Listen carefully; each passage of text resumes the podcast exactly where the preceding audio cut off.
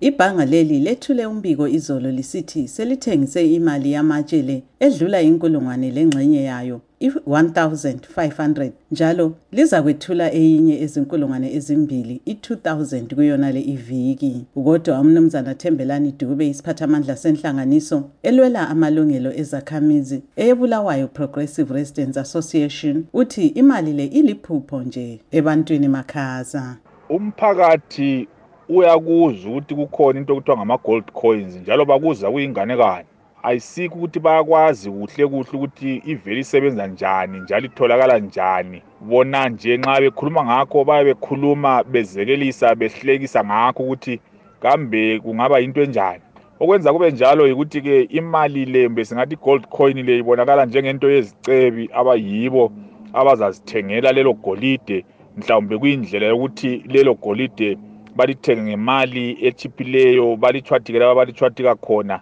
kube sekusenza ukuthi ngaleso sikhathi ke nxa sebethe bafisa bona ukuthi balitshintshe lelo golide mhlawumbe bathole inzuzo siyakwazi ukuthi sithe sicina ukuzwa sizwe kuthiwa 1500 units kumbe singathi amagolide layo yokathi sethengisiwe njalo kusuka kuhlupha uzulu kakhulu yikuthi intengo yakhona efunakalayo o-1800 us dollars kusiya phezulu nxa umuntu efuna ukuthenga iyabe ifunakala so abantu nxa bexoxa nje bayatsho ukuthi kambe singabe siyiziwulu ezinganani ukuthi singathatha inkalakatha yemali engako sisiyathenga iphisinyana yegolide esingakwaziyo ukuthi iligolide ngempela ngoba siyabe singakwazi ukuthi lenziwe ngegolide yini lelo um eh, khoyini kumbe njalo kuyathi mhla sokuphambili phambili kuthiwe hhayi lapho elasala likubambile yimali nje kumbe ligolide elingasigolide abantu nje bakhuluma ngakho behlekisa ngakho eh, bezixoxela kabakwazisisi lokuthi okukhulunywa ngakho kuyini so yiyo isituation ekhona kuzulu eh ukuthi lanxa kungathiwa ngiyayithenga ngezimdola i-800,000 zimdollars umuntu uyabe yayithatha ngaphi njalo omunye kwanika umzekeliso wokuthi kambe umuntu ngingabe ngiyisibuli esinganani ukuthi sengithole imali engako engazaye vele ngiyibambe ngigijimele ukuyathenga ikhoyini mhlawumbe engamphunyuka iciniwele lemgelweni yahamba lamanzi kumbe ahamba lezikhukhula ezinye so abantu nje ngamafitshane yiwumbono abalawo bakubona nje kuyinto yezicebi abantu abaphezulu abantu abazama ukuthi um bazigcinele leyo mali ngolwazi bona abalalo kodwa uzulu engalwazisisi njalo le ntengo yakhona ayifinyelelwa ngumuntu wonke nje ompofu abantu abampofu bavele kabacabangi langakho njalo kabazimajini besiba lalo lelo e, e, e, gold coin ngoba intengo yakhona ikhatshana kakhulu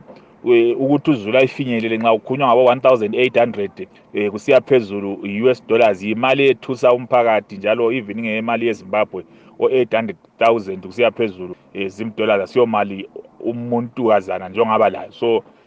yikho-ke begqiba ngokuthi lokho yikuthengiselana kwabantu abaphezulu eh abathi ngesikhiwa i-elitist approach to solving economic problem so ngamafitshane-ke yiwo umbono kazulu wakobulawayo umbono kazulu jikelele nje wemaphandleni izimbabwe jikelele amazwi akhe agcizelelwe ngumnumzana michael ndiweni Isiphathamandla senhlanganiso yeBulawayo Vendors and Traders Association. Esikuzwayo ukuthi ama-gold coins amavenda amaningi kawa-afford nxa sikhangele intengo yakho iphezulu kakhulu. E, yinto ezakholiswa e, izinothi lezi e, kodwa abantu kazana angeke baqoqe imali efika laphezulu yamadunga so ayinto nje abanikazi thina sizabe sikhangele ncinda benambitha. Asizweni umbono kamnumzana Masimba Kutsherwa ingcwethi ecubungula ezombusazwe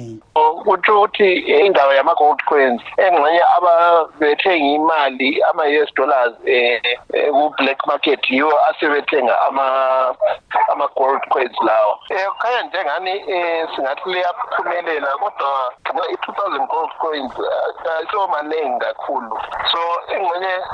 bengalilisa amanye angu-two thousand ama-coins um azathengwa kodwa nxa kuyekuthi bafuna ukuthi abantu bakhaza labo bathenge um abantu abalezimali zabo ezilutshwana um kumele belungise ama-gold coins angaduriyo uzabona ukuthi uhulumende ulama-programs abaningi awe-construction um njalo babhadala fifty percent ngamazimu dollars so ama-companies anjengalawo azuza ama-contracts amakhulu yibo ababelemali eningi eyama-zim dollars ababengayisebenzisi khathesi ukuthi ama-t g s um asatholakali um lapha um black market amaningi so kutsho ukuthi um idola um lasezimbabwe eh liza appreciate in value eh kancane njengoba eh, liyabe lingekho eh, esikhathini esiningi ibhanga le reserve lithi ikommittee ye monetary policy izaqhubeka icubungula ukuthi ngaluqhuba njani uhlelo lwemali le lona olwethulwe ngeviki edluleyo ukuze luphathise ukuthuthukisa umnotho welizwe ngimele istudio 7 ngikhonapha ewashington ngingusithandekile mhlanga